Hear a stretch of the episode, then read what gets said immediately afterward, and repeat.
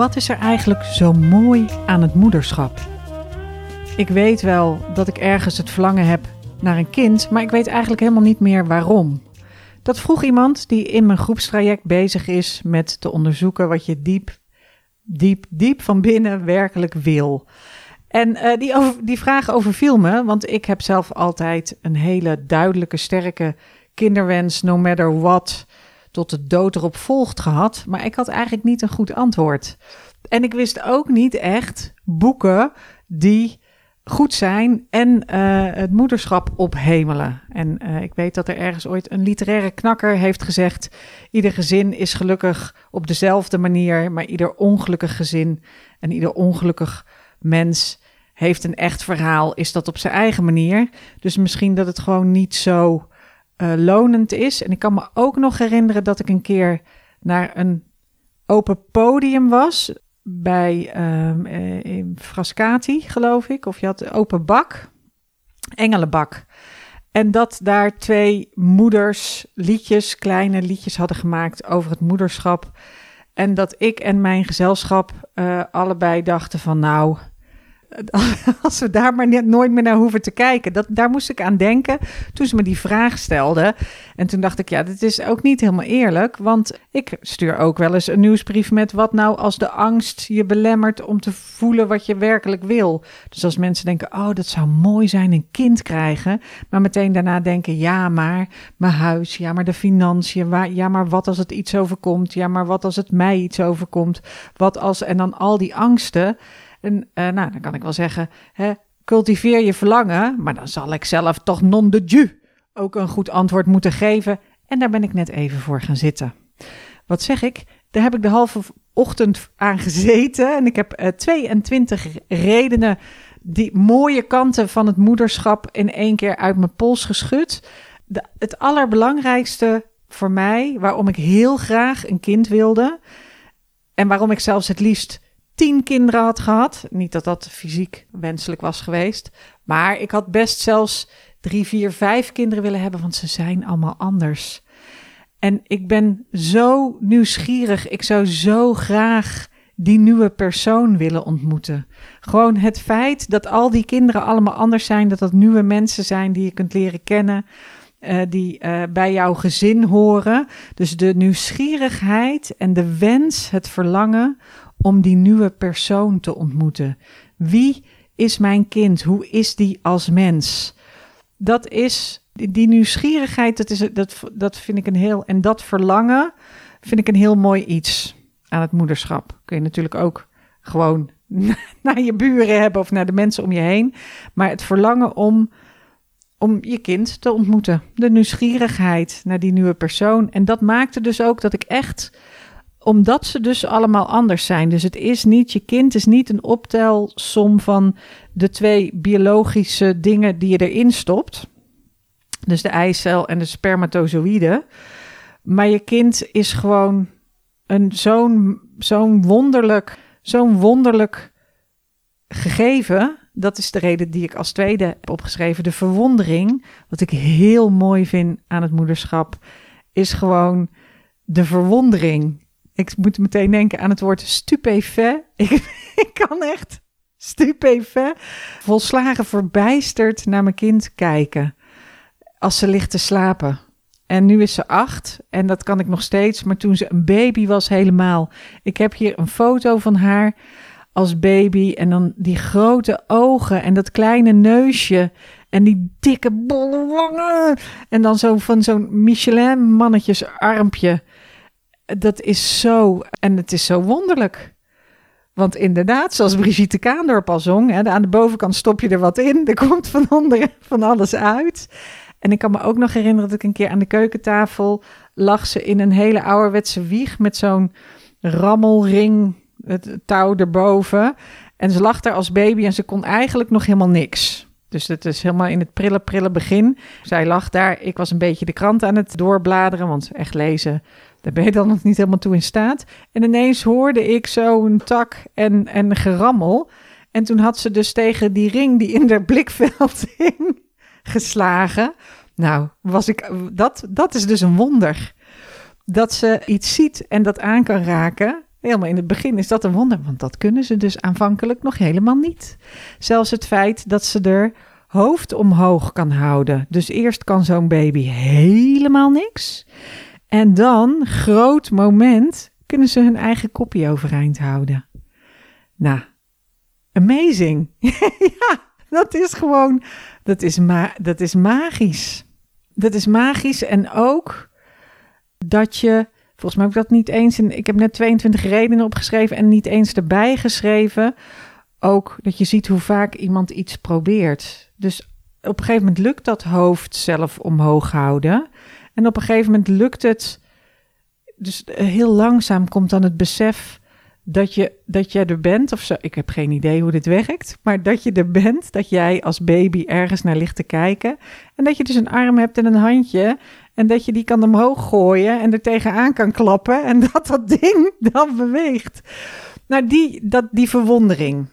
En die, dat is dus zowel om onnozel en naïef en tabula rasa. Het is zo'n blanco blad, zo'n baby. En als je die dan razendsnel ziet groeien en dingen ziet kunnen, en je dan ook ineens beseffen van, huh?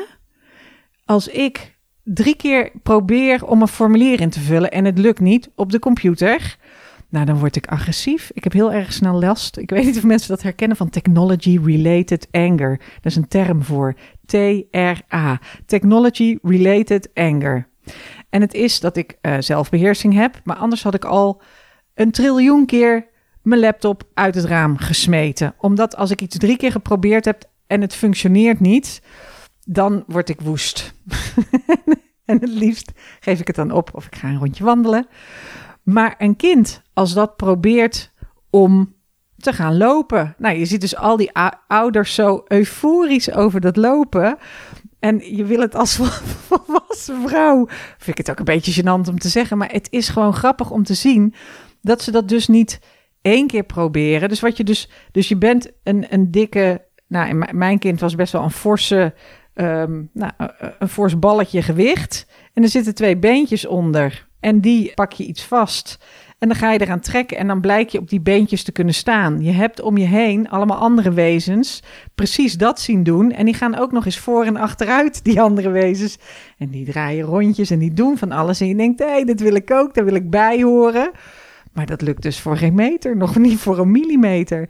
Maar op een gegeven moment kun je dus je hoofd omhoog houden. Je kunt overeind zitten en dan ga je een beetje staan. En dan moet je gaan lopen. En dat, dat, die, dat die ouders allemaal zo enthousiast staan te juichen en te klappen, is dus omdat je dat heel vaak moet proberen.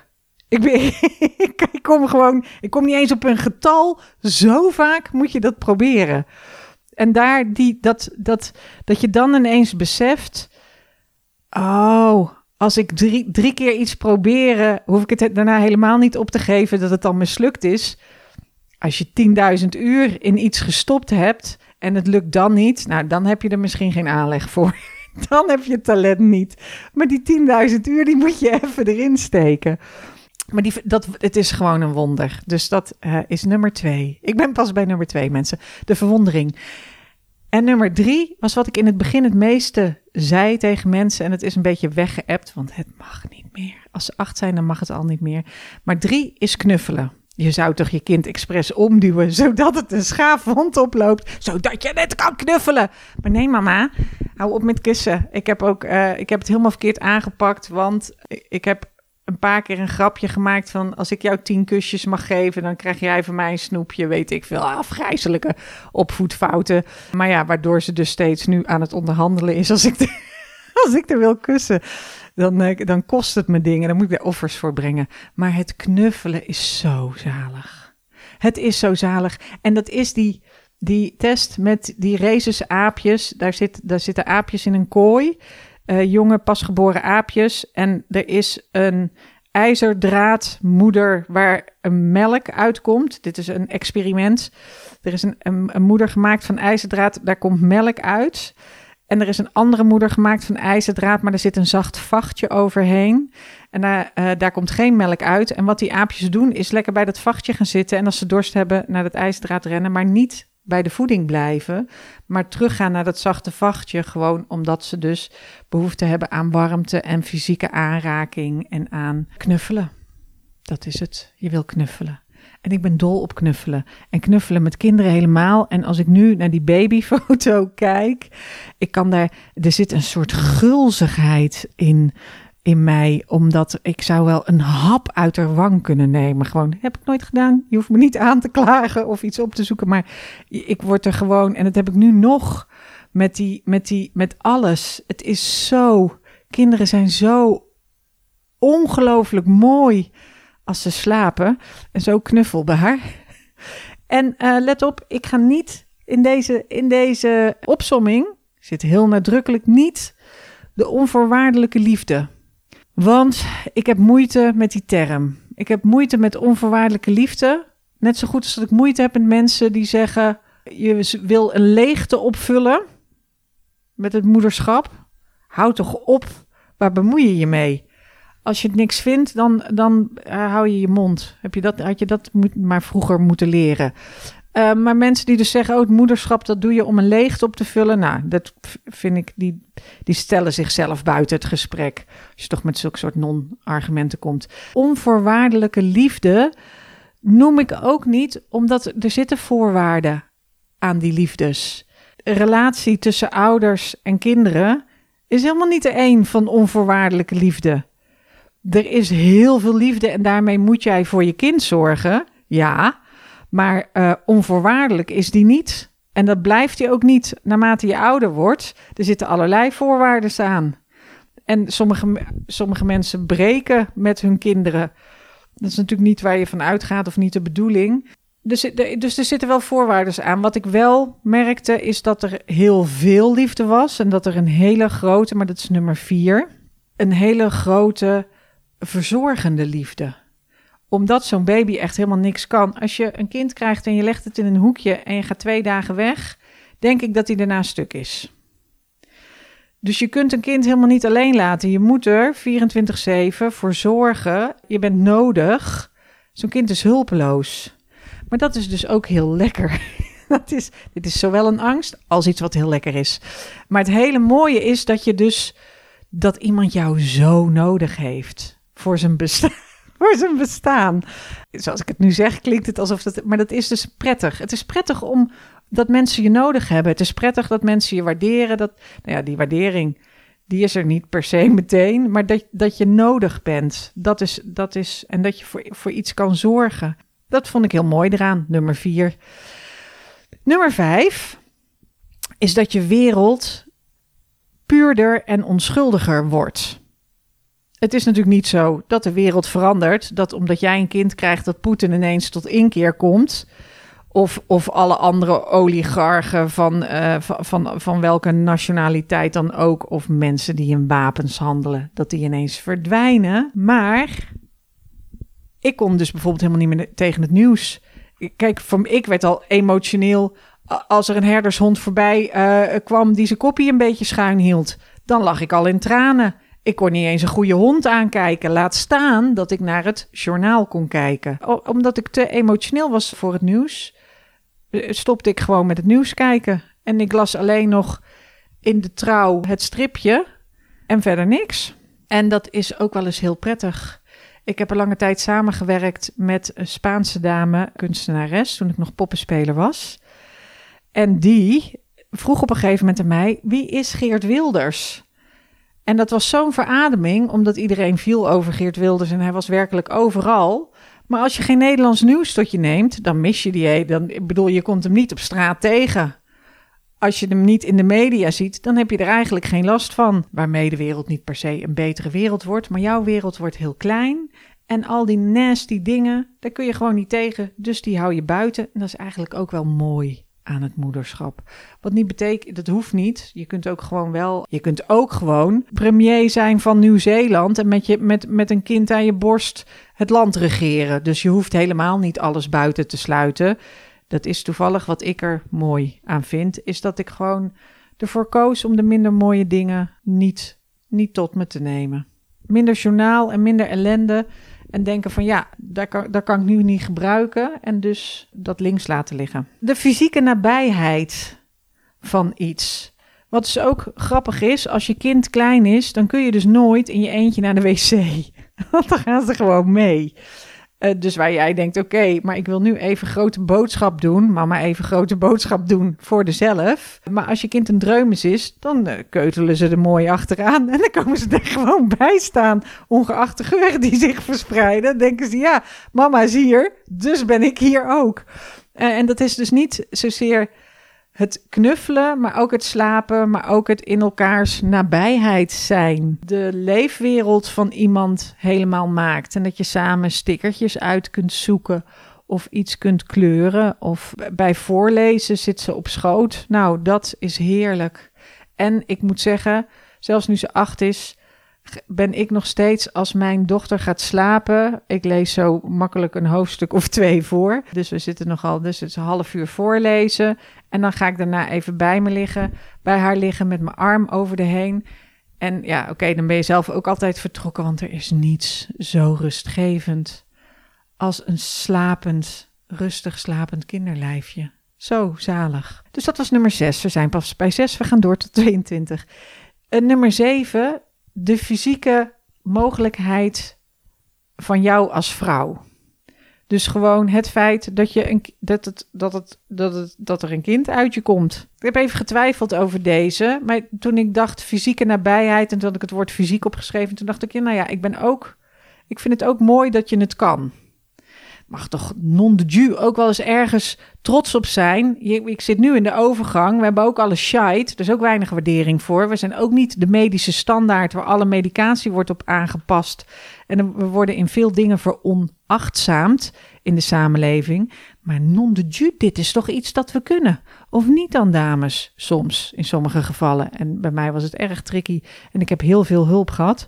Want IVF plus slash ICSI, om een kind te maken maar goed, dat je uiteindelijk, en ik heb ook een, een geplande keizersnee gedaan, vond ik ook hartstikke leuk. Veel beter dan moeilijk bevallen. En daar heb ik helemaal niet om gevraagd. Ze lag in een stuit, dus het kon niet anders. En achteraf had ze een aantal keer de navelstreng om de hals zitten. Dus als ik gewoon was gaan bevallen, was het helemaal niet, uh, was het een catastrophe geweest. Dus ik ben heel blij dat we gekozen hebben voor die geplande keizersnee. Maar dus dat je eerst samen één geweest bent.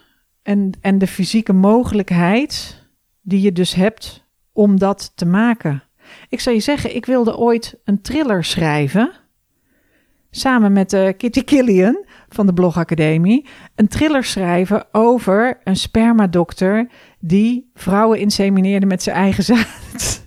En dit is echt jaren terug al, lang voordat Karbaat en toen daarna in een treintje van gevallen er uh, schandalen aan het licht kwamen. Omdat ik dacht, ja, dit is iets wat wij kunnen en wat mannen niet kunnen, waardoor vrouwen, als het er echt op aankomt, machtiger zijn. Dus als je niet wapens bouwt en je hebt het niet, we hebben dan misschien niet de fysieke spierkracht om iemand op zijn bek te rossen en dat hij dan knock-out gaat.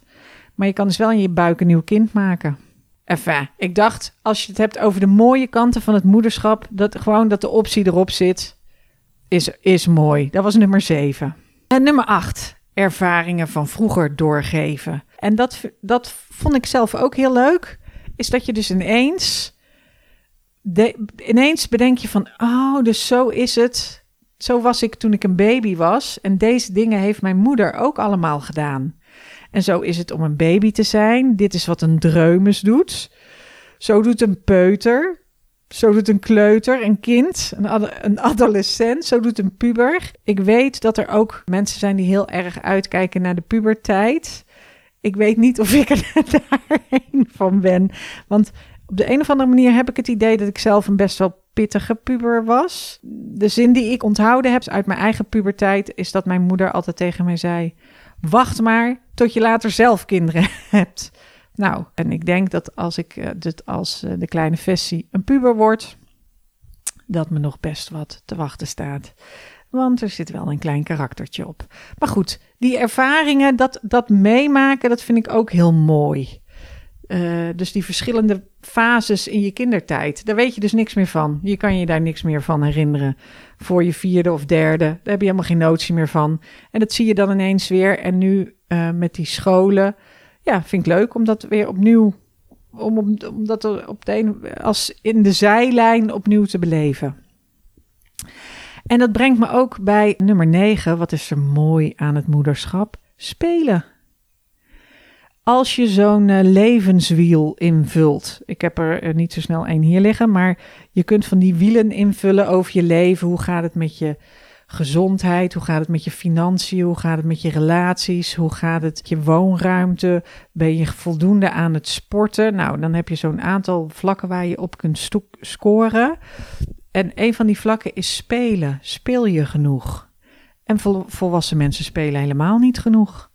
Je komt er helemaal niet aan toe.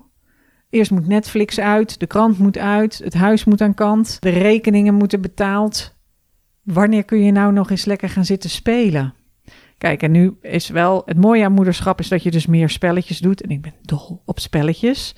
Het nadeel is dat je natuurlijk spelletjes doet met een klein mini-mens dat niet tegen de verlies kan. Dus dat is ruk. Maar goed, dat is dus iets wat je aan iemand gaat leren. Ze moet dus 10.000 uur verliezen. Misschien dat ze dan snapt dat ze niet steeds overstuur moet raken als ze niet wint. Nummer 10, het mooie aan moederschap, is de verandering in de band met je eigen ouders. En dat vind ik enigszins pijnlijk om te zeggen ook, omdat mijn zus geen kinderen heeft. Dus daarom vind ik dat pijnlijk. Hmm. Ik, ik merk zelf wel dat ik veel geduldiger ben naar mijn ouders en veel beter begrijp wat ze, omdat ik nu van dichtbij zie wat ze allemaal voor mij gedaan hebben en hoe goed ze dat gedaan hebben. Terwijl ik uh, daarvoor voelde ik me bekritiseerd of had ik last van ze of verschilden we van mening, was het veel moeizamer. En nu, dat deed ik vroeger ook niet, maar nu bel ik mijn moeder heel regelmatig omdat ik denk, ja, uh, zij heeft al die tijd voor mij gezorgd. Ik kan wel even informeren hoe het met haar gaat. Dus dat is, vind ik, ja, is een beetje tricky deze. Nou, maar dat maakt hem dus misschien juist ook wel interessant. Maar voor mij persoonlijk vind ik dat de band met mijn moeder en ook met mijn vader beter is geworden toen ik een kind had gekregen. Dat wil niet zeggen dat dat niet kan als je geen kind krijgt.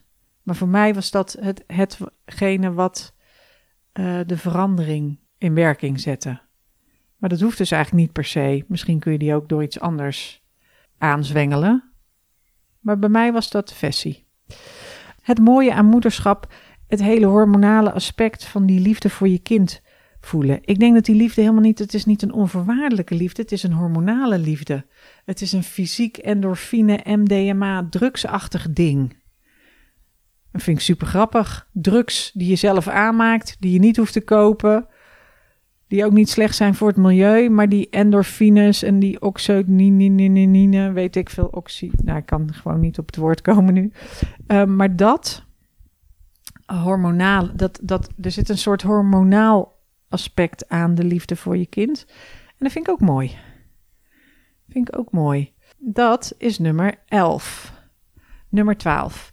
Oh ja, de saga continues. Het doorgeven van je familiegeschiedenis, van de verhalen in je familie. Nou moet ik zeggen dat ik hier ook twee foto's heb staan van de ouders van mijn vader. En dan weet ik dus eigenlijk helemaal niks. Nee, van de opa en oma van mijn vader. Dus de ouders van mijn vader weet ik wel. Adrie Langewerf en Jan de Jong. Maar de ouders van hen, en daarvan staan hier foto's. Ik heb geen idee wie die mensen zijn. Behalve dat ik weet dat ze die uit die familielijn komen. Maar ik weet verder niet wie ze zijn. Maar ik vind het wel mooi. Ik heb ook een genogram gemaakt. En de geschiedenis van mijn familie zo'n beetje in kaart gebracht. En dat het vind ik een mooi idee. Een mooi idee is dat het doorgaat ja, dan moet je dus niet helemaal verdwijnen in klimaatproblematiek en het einde der tijden en zwarte gaten en dat deze aardkloot ophoudt te bestaan, want dan continues de saga helemaal niet. Dus het doorgeven van die, van die familielijn, dat vind ik ook wel mooi iets eraan. Nummer 13. Wat ik ook leuk vind aan het hebben van kinderen, is dat je er jong bij blijft. Ja, dus dat, dat je eh, van glijbanen afgaat en dat je met jonge kinderen in contact komt en dat je probeert op een bal te lopen. Of wat ik recent deed, gingen we skileren in het Oosterpark. Keihard gevallen, maar zo ongelooflijk hard gevallen dat ik gewoon tien minuten ben blijven zitten op mijn knietjes. eh, in, als een soort molletje in elkaar gedoken. En dat er een klein Frans jongetje me drinkwater aan kwam bieden in deze tijden van corona. Omdat ik zo ongelooflijk hard eh, op mijn op mijn stuitje viel. Ik viel achterover. Nog een geluk. Ik had ook mijn pols kunnen breken. Eh, dus het houdt je jong, soms te jong. Maar eigenlijk is, is dat hele jong blijven en in contact staan met jonge mensen. Dat vind ik er heel leuk aan. En ik ben natuurlijk een late moeder. Want ik ben op mijn veertigste, net veertigste moeder geworden. En ik word eh, binnenkort, word ik 49. Maar ik ben dus een, een, een oudere moeder op het schoolplein. En dan blijf je dus ook jong in contact met andere ouders van kinderen die jonger zijn dan ik. En dat vind ik er wel mooi aan. 14 is zingeving. Ja, dus ik, ben de, ik vind het niet leuk als mensen zeggen: Goh, kinderen, eh, dus het moederschap of het ouderschap is eigenlijk het opvullen van een leegte. Dat denk ik niet. Maar het is wel ook een vorm van zingeving. En als ik dit goed doe, misschien wordt mijn dochter wel de nieuwe Oprah. Of de nieuwe Billie Eilish. Of de nieuwe Mark Rutte. Ik hoop het niet. Een betere. En misschien wordt ze wel prinses, omdat ze met Amalia gaat. Hoe, wie, wie zal het zeggen? Nee, het leeftijdsverschil is veel te groot. Maar goed, dus mijn dochter is een vat vol potentie. Ik moet dat goed afleveren, enigszins beschaafd en beleefd. Dat geeft je leven zin. Ook als je denkt van, ik zie het allemaal even niet meer zitten en ik heb er geen zin in. Het is ook een drive om verder te komen, om iets te bereiken, zowel zelf in mijn werk als, als voor haar de omstandigheden goed maken. Dus juist omdat je dingen doorgeeft aan een volgende generatie, wil je ook dat, dat het een mooiere wereld wordt. Nou, ik weet niet of ik dit heel duidelijk uitleg. Hm, zingeving. En dus dat mijn dochter in potentie, maar ze mag ook banketbakker worden of timmerman. Dat zou helemaal te gek zijn. Elektrotechnieker. Dat zou leuk zijn. Leuk aan kinderen, nummer 15. Motivator voor verandering bij jezelf. Dus omdat ik een kind kreeg, moest ik heel veel dingen aan mezelf veranderen. Er zijn een aantal dingen die ik. Die je, omdat je een kind krijgt, moet je dus ineens volwassen worden. En die verandering kan ook wel zonder dat je een kind krijgt. Ik weet nog dat ik vrij lang ben ik best wel kinderachtig gebleven. En had ik een, een, een plakpiemel aan mijn plafond hangen en een picture disc van André Hazes. En het was één grote puinhoop. En toen is mijn moeder hier gekomen een dag om op te ruimen. En toen voelde ik daarna ook wel een veel volwassener, voelde ik me volwassen. En nu merk ik vanwege mijn dochter dat ik uh, denk van oké, ik ben een oudere moeder, maar ik moet dus wel weer gaan sporten, gezond eten. Ik blow niet meer, al lang niet meer. Ik drink niet meer, dat is sinds het begin van 2022. En dat bevalt me eigenlijk heel goed. Dus ik word een betere versie van mezelf. Geduldiger, verstandiger. Nou, dat, dat is leuk. Dat is het mooie aan moederschap. Het mooie aan moederschap nummer 16. Een kind is heel waardevol en heel kwetsbaar, dus dat moet je beschermen en dat doe je door grenzen te stellen. Dus het wordt, vind ik, als moeder is het veel makkelijker nee zeggen.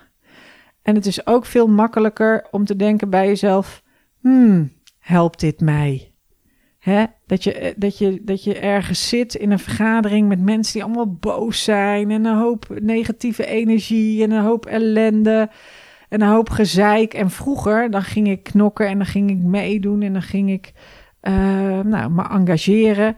En nu zit ik daar en dan denk ik, ja, misschien moet ik dit gewoon even aan me voorbij laten gaan. Misschien moet, ligt hier de grens. Hè? Er zit een beperkt aantal uren in de dag. Ik wil niet dat die hierin verdwijnen. Nee, bedankt. I don't think that's part of my journey today. Dat zeggen ze dan hè, op Instagram. Uh, maar dat wordt dus makkelijker, vind ik als moeder, om te zeggen van... hé, hey, dit is niet een onderdeel van de reis die ik vandaag maak. Dat was nummer 16. Wat heb ik veel goede redenen gevonden. Ik ben helemaal fier op mezelf. Nummer 17. Een hele nieuwe wereld die je mag maken. Ja, dat vind ik ook heel leuk. Dus dat je helemaal nieuwe rituelen mag doen en nieuwe verhalen en nieuwe uh, dingen kan ontdekken. Disney was eigenlijk vroeger veel meer ruk dan nu. Dus die Elsa is al een beter rolmodel dan alle Disney-verhalen voorheen omdat zij de, de superkracht heeft. Het enige vervelende aan Elsa is dat als ze dan Let It Go zingt, dat ze dan een soort van geile jurk aankrijgt met een, met een soort van, ik weet niet wat het is. Nou, als je dat moment ziet in de film, dan gaat je feministisch hart niet sneller van, van slaan. Vajana daarentegen, Vajana, is wel een veel beter rolmodel. En ook Inside Out, Pixar. Dus ik kijk nu al die nieuwe Disney-films. Zou ik normaal geen tijd voor maken. Maar sommige zijn echt beter. En dat is leuk ook om te zien. En die nieuwe rituelen, zoals, nou, s'avonds verhaaltje lezen. En, en, en we zitten nu dan, we hebben net Harry Potter gehad. Nou, die boeken heb ik ook nooit gelezen. Maar vind ik ook mooi. Ik was van de vijf. Ik hoop dat uh, Vesper de vijf uh, gaat lezen later. En je moet natuurlijk dan wel zorgen dat je op vakantie gaat zonder scherm. Anders lukt het niet. En wat is een ander ritueel? Oh ja, vrijdagavond pizza filmavond. Dat je dus op de beamer zo'n dikke Disney uh, film zet. En dat je een pizzaatje maakt. En dat je met z'n allen gezellig op de bank lekker een beetje knuffelen en stoeien en een, en een Disney film kijkt. Um, dat is leuk. Nummer 18. Als moeder ben je almachtig. Heb je daar wel eens over nagedacht? Eigenlijk ben je als moeder een soort God. Je hebt een goddelijke positie. Er is ook iemand, een klein iemand, die jou verafgoot. In mijn geval uh, verafgoot ze papa net iets meer dan mama.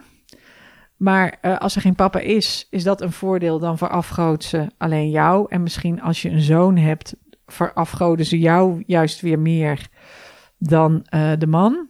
Maar je bent dus, ik uh, weet nog dat er een, grap was van een stand-up comedian. Altijd het grapje maakte van nou, ik heb nou een kind en uh, thuis hebben we die Duits opgevoed. Dus die hebben alleen maar Duits geleerd. En als er nou mensen op bezoek komen, dan zeggen ze, huh? Je hebt een Duits kind. En dan, uh, dan, zeg, dan zeggen ze, huh, hoe komen we daar nou aan? Maar dat zou je kunnen doen. Je kan je kind Frans, alleen maar Frans leren.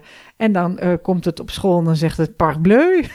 Niemand hier ik raak een beetje de draad kwijt. Maar als moeder heb je dus een goddelijke positie en, je, en er is iemand die je verafgoot en dat is ook wel eens leuk. Tegelijkertijd, nummer 19, is een kind heel erg een spiegel voor je eigen gedrag, maar dan klein en schattig. En dat maakt bij mij, voor mij, dat ik liever ben tegen mezelf. Dus we reden een tijdje terug, zaten we in de auto is al wat langer geleden. En toen was er iets en ineens klonk het vanaf de achterbank: hou je bek. dat komt omdat ik hou van ruim, ruim taalgebruik. Ik noem het even ruim, creatief taalgebruik. Er zijn een aantal dingen waar ik op let, maar waar ik niet op let is vloekwoorden en slechte taalgebruik, want ik mag daar wel van genieten. Dus ik vind non de ju vind ik gewoon prettig om te zeggen. Nou, je kunt nog andere krachttermen bezigen. Ik wil geen mensen kwetsen met die krachttermen. Maar ik vind het prettig om, om krachttermen te gebruiken. En ik denk daar wel over na.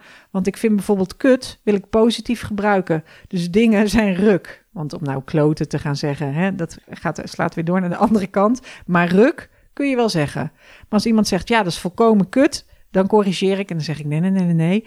Kut gebruiken we voor positieve dingen. En anders zeg je gewoon, het is ruk. En nou ja, de millennials zeiden een tijd lang, het is kak. Het mag ook iets anders zijn. Maar ik vind dat soort spelen met woorden leuk. En ik merk dat mijn kind dat ook leuk vindt. En die, ik weet ook nog dat ze, toen ze best wel klein was, ineens aan tafel zei, what the fuck? dat, daar oefenen ze dan mee op de crash of op de opvang. En dan zit er ineens een kleuter aan je tafel die what the fuck zegt. Nou, dat vond ik heel leuk. Ik heb heel lang geprobeerd, toen ze nog een kleuter was, om haar te laten zeggen, wat was het nou? Bouw, wauw, wauw, jippie-yo, jippie Maar is eigenlijk nooit goed gelukt. Dan had ik daar wel een filmpje van gemaakt. Uh, bouw, wauw, wauw, jippie-yo, jippie is niet zo moeilijk, maar is toch niet gelukt. En maar zo'n kind spiegelt dat. Dus je ziet dat zo'n zo'n ding komt terug bij jezelf, maar dan schattig.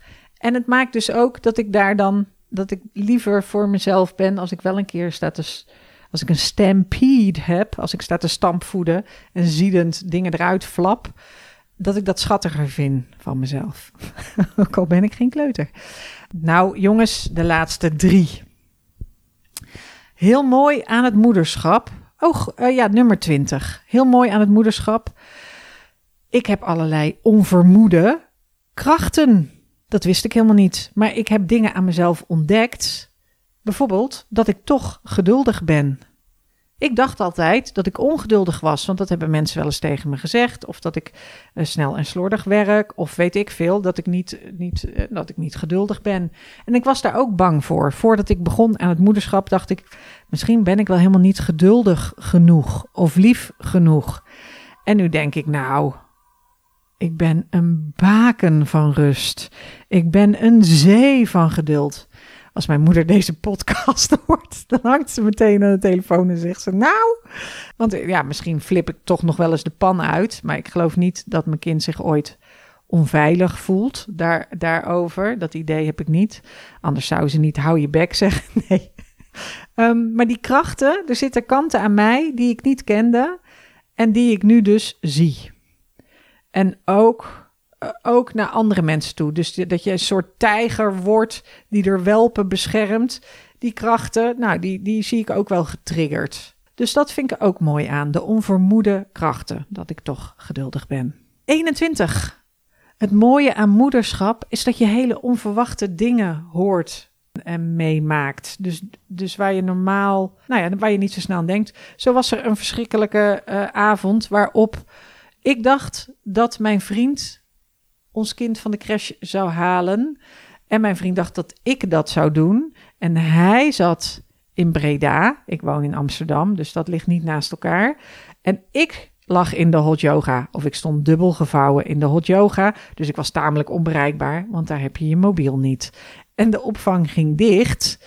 En ons kind was daar en wij waren daar niet. En het was vrij in het begin. En toen is ze meegegaan met ouders van een vriendinnetje. Want ja, ze laten zo'n kind zetten ze dan ook niet zomaar op straat. Dus toen ik uit de hot yoga kwam, had ik wel 37 oproepen gemist. En bleek dus dat mijn vriend mij continu aan het bellen was. Want hij was al terug aan het rijden. Maar ja, files. Zeiden ja, nou, ze zit daar en daar. Dus toen ben ik daar mijn kind gaan uh, opvissen. En uh, die zat daar heel rustig. En die ouders die zeiden, ja, ze heeft heel netjes met mes en vork groentetaart zitten eten. Ze had geloof ik wel drie punten taart groentetaart op. En ze had zich helemaal super netjes gedragen. Terwijl wij thuis nou hele betogen hebben opgehangen over netjes eten en over niet alles op de grond gooien en ook eens je mes en vork vastpakken. En dat je dan denkt, nou, in zo'n stressvolle situatie gaat ze rustig met die mensen mee. En dan zegt ze, je hoort er ook daarna tegen andere mensen vertellen, ja, mijn vader en moeder, die zijn een beetje dom, want die waren vergeten mij op te halen. En dat is dus, dat is, het zijn, je hoort allerlei geweldige verhalen. Ik kom nu even niet op andere verhalen, er zijn veel betere verhalen dan dit. En dat zijn van die kleine pareltjes die door je hele week gestrooid worden en die heel mooi zijn. En dan ter afsluiting. Het mooie aan moederschap. Nummer 22. Dankbaarheid. Ik ben zo godvergeten dankbaar de hele dag.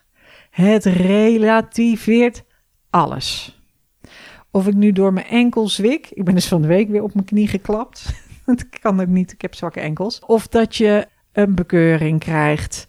Of dat iemand uh, trut tegen je roept omdat ze je bijna aanrijden op de fiets. Ik noem maar een, een, een doorsnee dag in Amsterdam. Dat valt allemaal in het niets bij de dankbaarheid die ik voel dat ze er is. Gewoon dat ze bestaat. En dat ze zichzelf is. En dat, het, en dat ik zo'n fijn leven heb. Door al die dingen die, hiervoor, die ik hiervoor, door al die 21 dingen die ik opgenoemd heb, ben ik veel dankbaarder voor, voor veel meer dingen. Dus ik vind de, de wereldhonger, de Taliban, de oorlog in de Oekraïne, al die verschrikkelijke dingen daar kan ik dan wel eens een notie van krijgen, maar dan vooral heel snel denken: oh, wat ben ik blij dat ik hier woon en dat ik een huis heb. Dat het uiteindelijk dat mijn eileiders dicht zaten door de chlamydia en dat het toen toch nog met mijn lief gelukt is. En dat ik met die ICSI, dat we één eitje hebben weten te oogsten. En dat, ik, dat, ze, dat ze er is en dat het oké met ons gaat. En dan bel ik weer mijn moeder en dan zeg ik: Hey, hoe is het met jou? Omdat ik zo dankbaar ben voor alles. Of ik bel mijn zus, of we, of we appen fotootjes naar elkaar. Gewoon dankbaar dat het goed gaat met de mensen waar ik van hou. En die dankbaarheid, die, ik denk dat ik vroeger veel gehaaster was en veel meer aan het rennen was. Misschien is het niet alleen dankbaarheid, maar ook wel veel meer in het moment zitten. Dus minder heigerig naar dingen in de toekomst, maar veel meer genieten van wat er nu is. En, en, en dankbaar zijn voor, voor alles wat mijn leven vandaag heeft. Zonder heel ver weg naar voren te kijken. Alhoewel je wel daar ook fucking veel dingen voor moet regelen. In het moment. Nou, die staat er helemaal niet bij. Dat is ook het mooie aan moederschap. Nou, wat goed. Ik kan gewoon drie kwartier praten over wat er allemaal mooi is aan moederschap. Tot mijn grote, tot mijn, tot mijn grote geruststelling voor degene die dit vroeg bij mij in het traject. Ik heb een vraag aan de luisteraars van de Wil ik een kind podcast. Uh, als je twijfelde over hè, wel of niet moeder, nou dan heb je hier een 22-tal redenen om het wel te doen. Dat zijn mijn redenen, hoeven helemaal niet per se redenen voor jou te zijn. Maar als je nou weet van boeken die heel positief schrijven over het moederschap en die duidelijk de positieve aspecten belichten die voor iedereen interessant zijn om te lezen. Dus positieve boeken over het moederschap. Dan zie ik die heel graag verschijnen. Mail me op evelien.willekenkind.nl en verder super bedankt voor het luisteren naar deze podcast. Als je het leuk vindt en je wilt dat meer mensen deze podcast kunnen vinden, geef hem dan sterretjes, duimpjes omhoog, likes, weet ik veel hoe het allemaal heet. En abonneer je. Vind ik hartstikke leuk. Tot de volgende podcast. Doei!